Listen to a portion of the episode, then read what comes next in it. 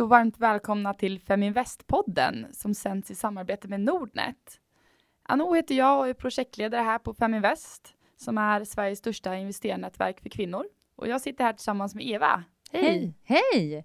Ja, och Eva Thrin heter jag och är Sverigechef på Nordnet eh, som är Nordens största nätbank för sparande i aktier och fonder och är ex naturligtvis extremt stolt för detta samarbete. Jätteroligt att eh, ha en podd där vi får prata om vårt gemensamma intresse, sparande i aktier och fonder. Ja, det känns ju verkligen fantastiskt. Och idag ska vi få prata om bolagsanalyser. Och efter det kommer vår gäst Anna Stenberg att uh, gästa oss och hon är grundare av företaget WES. Oj, spännande. Ja, det är dags att köra igång. Idag ska vi prata om bolagsanalyser. Och visst hade det varit bra med lite konkreta tips på hur man gör en bolagsanalys? Mm. Ja, det här med bolagsanalys, eh, det är ju någonting som de flesta gör på ett eller annat sätt innan man gör en investering.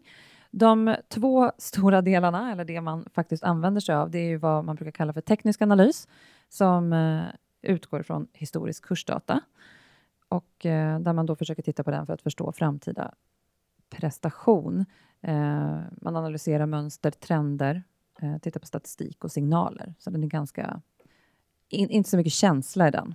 Sen har vi den fundamentala analysen och den bygger på att man eh, värderar företaget för att få fram en rimlig aktiekurs och utifrån historisk finansiell fakta gör en bedömning av framtida prestation. Så det här är en mycket mer eh, tidskrävande analys.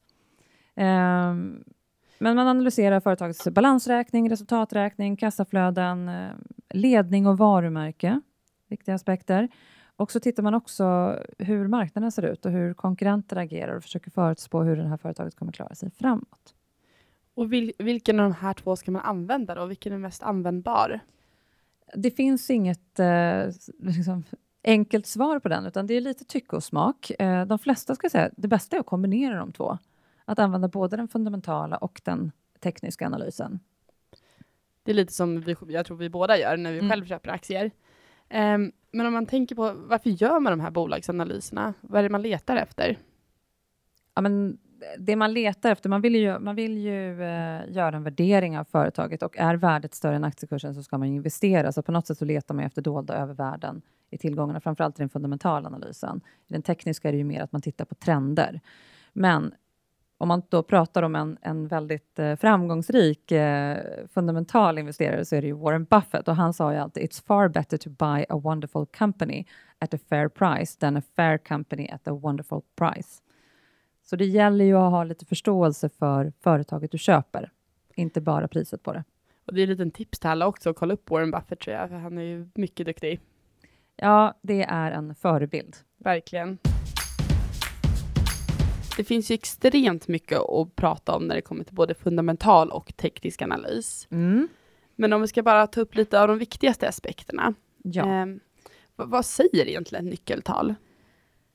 Ja, men ett, man kan säga så här att lite först, vilket nyckeltal som är intressant, det beror ju på vilken bransch företaget är i. Sen är ju inget nyckeltal intressant om man inte sätter det i relation till något annat. Så det handlar ju om att jämföra både med varandra, alltså olika nyckeltal med varandra och också bolag inom samma bransch. Eh, jämför man mellan branscher så kan nyckeltalen vara ganska missvisande. Så man måste liksom jämföra äpplen och äpplen och päron och päron lite grann. Och det tror jag är väldigt viktigt att man tänker på, mm. det är, lätt, det är lätt att göra det misstaget om man nybörjare. Precis.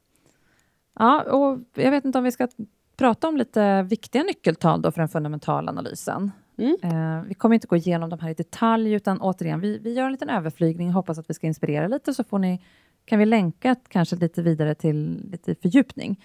Men eh, viktiga nyckeltal att titta på i den fundamentala analysen är ju eh, liksom, nyckeltal som visar på lönsamheten, marknadens utveckling och eh, lite utdelningsmått, visar på företagets generositet. Eh, och det här kan man ju då översätta i eh, nyckeltal såsom substansvärde, P tal eh, direktavkastning. Men det kan också vara bra att titta på risk och ränta eh, för de här delarna. Och hur får man tag på de här siffrorna? Var hittar man dem? Ja, den bästa källan är ju företagen själva. Och där hittar man ju väldigt mycket information från årsredovisningar, kvartalsrapporter, eh, kommunikéer, pressmeddelanden, bolagsstämmer. Eh, sen kan man också naturligtvis titta på företagets hemsidor som eh, också ofta innehåller en hel del historiska siffror. Så det finns eh, mycket att hämta där. Men finns det några svagheter eller styrkor med just fundamental analys man bör vara medveten om? Eh, ja, alltså, i och med att den fundamentala analysen utgår ju faktiskt från vad du själv eh, lyckas identifiera från bolaget, så är ju alltid risken att du missar någonting när du gör den fundamentala analysen. Eh, sen är det ju också så att lite beroende på vad du har för investeringsstrategi, om du är långsiktig eller kortsiktig så kan det passa bättre eller sämre också med att göra den fundamentala analysen. Eh, den kommer inte sätta fingret riktigt fullt på timing som den tekniska analysen kanske hjälper till med på ett annat sätt. Och hur mycket tid bör man lägga? Det varierar eh, hur mycket tid man behöver lägga, men eh, det går att göra en, eh, en eh, fundamental analys på ganska kort tid, men den tar betydligt längre tid än den tekniska analysen. Du behöver göra ett djupare analysarbete. Har vi, har vi något konkret, så här, vad, vad bör man tänka på? Eh, ja, men det man kan tänka på att det är ju eh, lättare att analysera bolag med stabila intäkter och lång historik än vad det är att analysera andra typer av bolag. Ett, ett, konkret exempel så skulle man kunna säga att Volvo är ju betydligt lättare att göra en fundamental analys på eh, och fatta investeringsbeslut på än vad det är att göra på Fingerprint till exempel. Om man nu har lite tid över att göra en fundamental analys, vilka är de bästa tipsen? Ja, men de bästa tipsen eh, är ju också när du tittar på bolag. Så här, förstår jag affärsidén? Förstår jag bolaget? Eh, om man inte vet vad de gör, då bör man fundera en och två gånger. Eh, är det sunda människor i företaget? Eh, VD, ledning?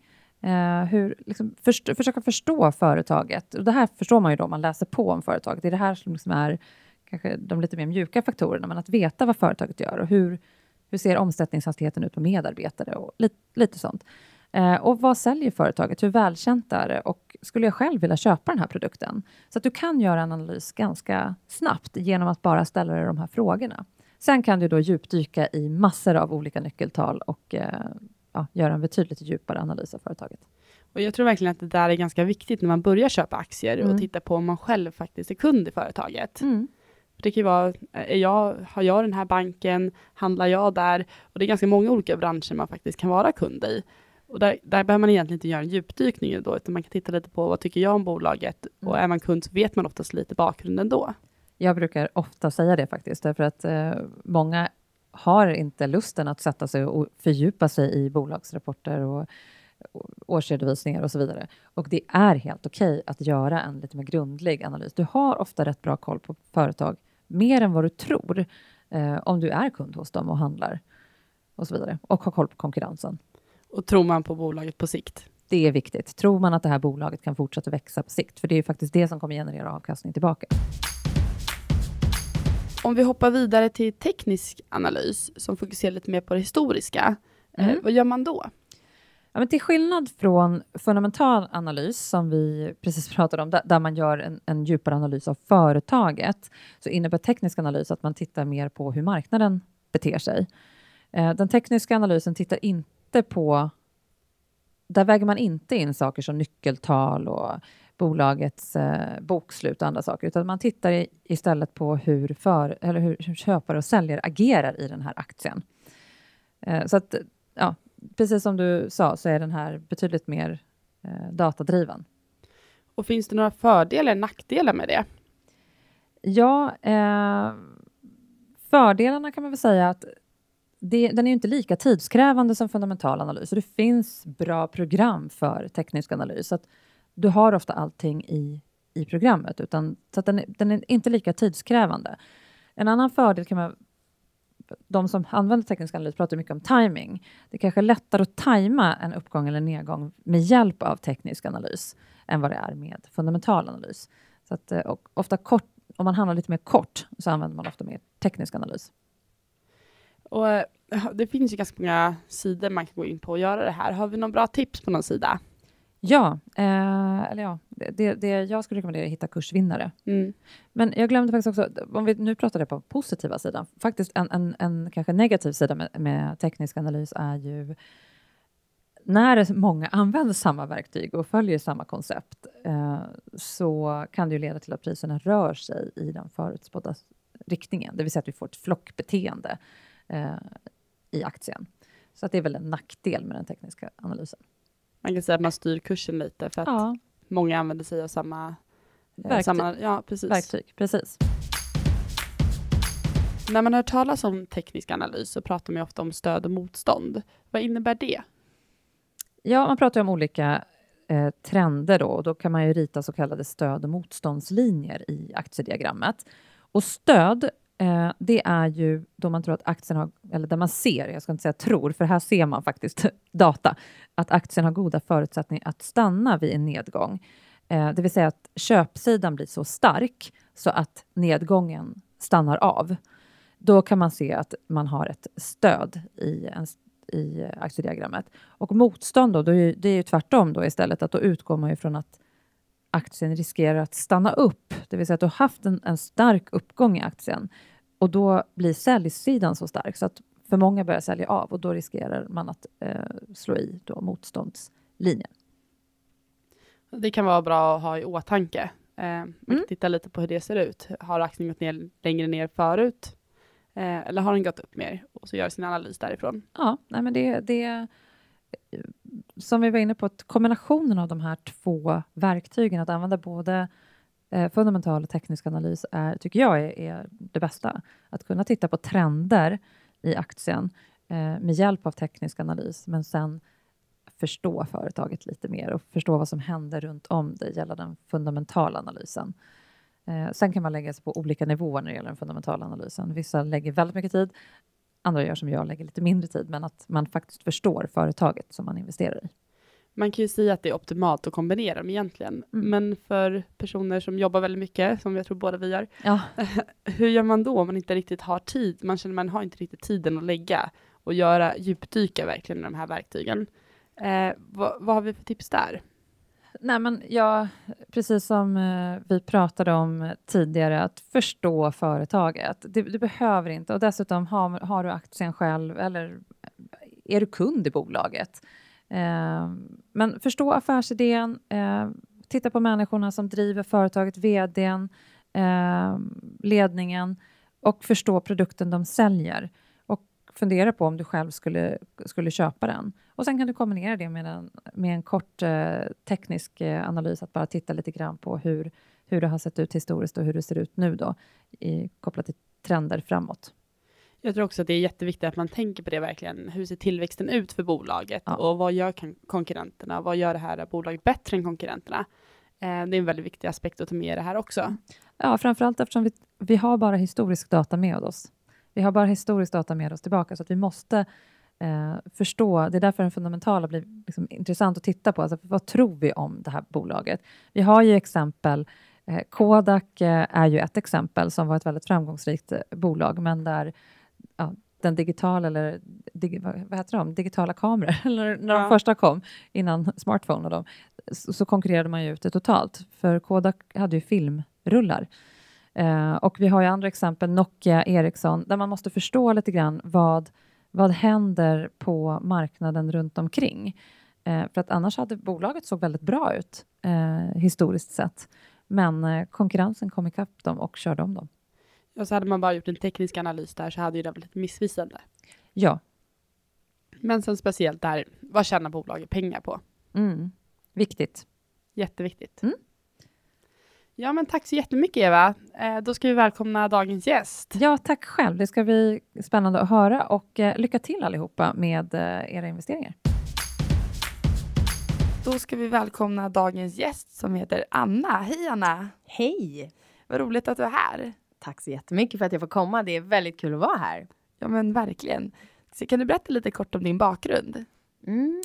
Min bakgrund är helt präglad egentligen av eh, många, många timmar i en gymnastiksal. Eh, gammal eh, elitgymnast som eh, tävlade och la varenda vaken timme egentligen fram tills det att jag var runt 20 eh, på just gymnastik. Så att en eh, klassisk eh, idrottsnörd som såklart också har med mig mycket av det här eh, tävlingsdrivet och, och så vidare. Och eh, sen när jag hade hållit på med gymnastiken i många år så eh, jag, jag har alltid också varit väldigt intresserad av affärer och business och försäljning. Har alltid eh, sålt i alla möjliga olika situationer. Och eh, därför pluggade jag sen på Handels och ehm, tyckte att det var fantastiskt kul. Eh, och sen ville jag jobba för ett eh, riktigt företag med någon riktig produkt eller en riktig tjänst som man liksom, någonting man kunde ta på. Eh, just det där på Handels så ville nästan alla antingen bli bankers i London eller managementkonsulter. Och eh, inget av det lockade mig riktigt. Och eh, jag ville verkligen jobba för någonting mer. Ja, ett riktigt företag då som, som jag kände då. Och eh, det ledde mig in till MTG och Kinnevikgruppen och eh, jag jobbade eh, åtta år eh, inom just MTG då och hade fantastiskt roliga år där. Eh, det är en helt underbar organisation och man får väldigt mycket utrymme och möjligheter att göra karriär och utveckla sitt ledarskap och så. Så att eh, där jobbade jag åtta år och var vd och affärsområdeschef för olika bolag inom den gruppen. Eh, och under den perioden så jobbade jag såklart också mycket med att rekrytera till mina egna ledningar och team. Och det var då som jag verkligen insåg att det fanns ett stort glapp mellan de vakanta chefspositionerna då, å ena sidan, som vi ville rekrytera till, och kompetensbasen på marknaden. Vilken spännande bakgrund. Mm. Men du har grundat WES. Kan du inte berätta lite om det? Mm. Wes kommer mycket eh, utifrån en, eh, vad ska man säga, en frustration som jag verkligen kände då när jag jobbade på MTG. Ehm, vi hade en väldigt här, tydlig och positiv ambition om att öka mångfalden inom, eh, inom våra bolag. För vi var helt övertygade om att eh, mer diversifierade team, mer mångfald skulle göra oss mer lönsamma och mer konkurrenskraftiga. Men då behövde vi ju såklart också ha support från chefsrekryteringsföretag som kunde vara en bra länk mellan oss och eh, de duktiga talangerna och ledarna på marknaden. Men det som blev så tydligt för mig var att de inte hade de kvinnliga kandidaterna på sin radar. De hade inte heller kandidater med utländsk bakgrund på sin radar. Och det spelade ingen roll om vi skulle rekrytera en eh, CFO till Ryssland eller en VD till något annat land eller en marknadschef till ett av bolagen i Sverige. Men eh, de kvinnliga kandidaterna, de lyste alltid med sin frånvaro i alla rekryteringsprocesser. Och då sa vi till rekryteringsföretagen att eh, nu får ni göra om, göra rätt. Vi vill ha tillgång till 100% av kompetenspoolen i, på shortlisten. Ehm, men då sa de att nej, men tyvärr, vi, eh, det finns inga kvinnor med den här kompetensen. Eller ja, vi hittade en, men eh, hon var inte riktigt intresserad av den här typen av chefsroll. Och det tyckte jag var väldigt frustrerande för att jag var helt övertygad om att det finns eh, kvinnor med rätt kompetens och eh, en ambition att kliva in i den här typen av chefsroller. Eh, och den frustrationen gjorde att jag startade West, för jag upplevde att chefsrekryteringsbranschen var väldigt gammeldags och dammig och stelbent och helt enkelt inte hade förmågan att hjälpa företaget att också rekrytera duktiga kvinnliga talanger och ledare. Jag tycker att West är ett jättebra initiativ också. Vad har ni åstadkommit under de här åren? Ja, vi har faktiskt åstadkommit jättemycket bra saker. Eh, vi har rekryterat närmare 300 ledare nu till ledningar och till styrelser och eh, 80 procent av dem vi har tillsatt är kvinnor och eh, över 40 procent har utländsk bakgrund. Och det tycker jag är ett bra kvitto på att kompetensen finns där, ambitionen och viljan finns där, eh, både från kandidaterna men också från företagen. Så det är viktigt också när man, tycker jag, pratar om just mångfaldsfrågan, att man också lyfter alla de positiva och bra exempel som, som finns där ute och eh, att utvecklingen ändå går i rätt riktning. Även om man önskar att det kunde gå ännu snabbare. Verkligen, men man måste börja någonstans. Det måste man. Men vad tror du att den här skillnaden på andel män och kvinnor i chefspositioner beror på? Alltså från början så det finns ju ett historiskt perspektiv här.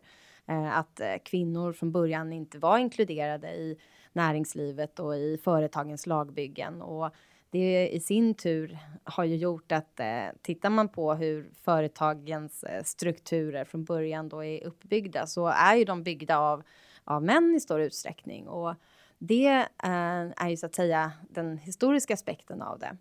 Men tittar man hur det är idag så, så är det helt enkelt så i stor utsträckning att företagen inte riktigt har de kvinnliga kandidaterna på sin radar eller i sina nätverk. Eh, man tenderar att män tenderar att rekrytera män eh, omedvetet, precis som kvinnor tenderar att rekrytera kvinnor. Men eftersom det är en så otroligt stor majoritet fort, fortfarande av eh, manliga ledare i förhållande till kvinnliga eh, så återupprepas det där mönstret hela tiden. Så det det handlar om är att verkligen bryta de här normerna och gå bortom de traditionella nätverken i rekryteringsprocesserna. Företagen behöver verkligen se sig i spegeln och fundera över hur de kan förändra sig för att bli mer attraktiva arbetsgivare för hela kompetensbasen, både män och kvinnor och eh, inte minst också hur de ska leda sina organisationer för att också eh, behålla de kvinnliga talangerna och ledarna långsiktigt i sina verksamheter. Och där har de utmaningar på många håll idag. Eh, om vi ska kika lite på investeringar som också kan påverka mm. ens livslön ganska ordentligt. Eh, investerar du någonting? Absolut. Spännande. Hur gammal var du när du köpte din första aktie? Alltså jag var ju ganska ung. Jag var, kan jag varit? Alltså då genom föräldrar och sådär, 15, jag var ju absolut eh, inte vuxen, mm. men tyckte att det var superspännande. Jag var med i börs många gånger och eh, har både schabblat bort mig där och ibland gjort bra ifrån mig. Så att jag lärde mig den hårda vägen. Men jag minns väldigt väl första gången som jag eh, liksom på riktigt investerade mer strategiskt. Sådär. Det var faktiskt i Qmed. Eh, jag kanske var 19 år eller något sånt där. Ja, det måste varit i slutet på 90-talet, liksom, när den den här riktiga, det här riktiga börsracet var. Eh, för då hade det blivit väldigt populärt med bröstimplantat. Eh, väldigt många förstod jag skulle eh, operera sina bröst och det var ju QMed väldigt bra på. För de jobbade, det var ju just bröstimplantat bland annat som, som de gjorde. Eh, så det tyckte jag att jag var lite smart och kom på att QMed, där, det här är framtiden. där, ska man, där ska man investera. Så att ja, min första riktigt lyckade investering, det var i QMed som jobbar med bröstimplantat. Ja. vad, vad, har du för strategi idag då? Idag har jag eh, en strategi. Jag tycker utifrån att jag tycker att det är väldigt roligt att eh, investera i bolag där jag också kan gå in och engagera mig och bidra, alltså som delägare. Eh, och då handlar det om att gå in i företag som man tror på. Eh, och det hänger väldigt mycket ihop med vilka grundarna är och vilka som leder företaget. Så för mig handlar det snarare om att investera i människor eh, snarare än att investera bara i en produkt eller en tjänst. Eh, och eh, några av de företagen som jag har investerat i och som är fantastiska är till exempel Engager som är en av de snabbaste växande eh, tillväxtbolagen nu i Sverige inom eh, bland annat då just Facebook eh, marknadsföring och försäljning otroligt häftigt bolag som växer så det knakar med oerhört duktiga grundare och fantastiskt duktiga medarbetare. Samma sak Tipser, ett annat jättehäftigt bolag som verkligen eh, kommer med nya eh, nya lösningar när det kommer till distribuerad e-handel och eh, samma sak där. Fantastiskt duktiga grundare och eh, ledare och det är framförallt de jag investerar i. Jag tror att det är en väldigt bra strategi för det påverkar ju verkligen bolaget. Mm. Har du några tips här till lyssnarna hur man ska komma igång? Eller om man är igång, vad man kan göra bättre? Med sina investeringar? Ja. Uh, kunskap, alltså det är aldrig underskattat. Uh, att verkligen läsa på. Är, är man liksom nyfiken på att investera i ett bolag i en viss bransch, då handlar det om att förstå branschen. Alltså vilken kontext uh, verkar det här företaget i? Eh, och få en bra känsla för det. Ehm, väldigt många går ju bara på magkänsla och man kanske får ett hett tips eller så. Eh, men jag tror, jag tror verkligen på uh, att, eh, att ta sig lite tid till att ta reda på ordentligt. Vad är den här branschen på väg? vilka utmaningar står den inför? Ehm, och sen såklart också eh, investera i bolag som är roliga, som man tycker att det är spännande att följa och som eh, eh man känner en glädje eh, kring. Och, och sen också kanske tänka lite långsiktigt. Vad händer om man så att säga har en långsiktig strategi med sin investering, om det inte är en, eh, en mer kortsiktig grej. Men, men ser man att det är ett bolag man, man vill investera i långsiktigt så är det bra att också ha det perspektivet inför att man gör själva investeringen. Vad härligt. Tack så jättemycket för väldigt bra tips och inspiration. Tack för att jag fick komma. Jag tycker att eh, ert initiativ är helt fantastiskt. Feminvest bara äger. Gud vad härligt att du säger det. Kul. Då börjar det här avsnittet lida mot sitt slut. Men i nästa avsnitt så kommer vi prata investeringsstrategier, någonting som jag tycker är jätteintressant, för det finns extremt många. Glöm inte att följa både mig och Eva på Twitter, Eva Nordnet eller Feminvest understreck. Och det går jättebra att lämna kommentarer och önskemål om framtida avsnitt, både på feminvest.nu och på nordnetbloggen.se.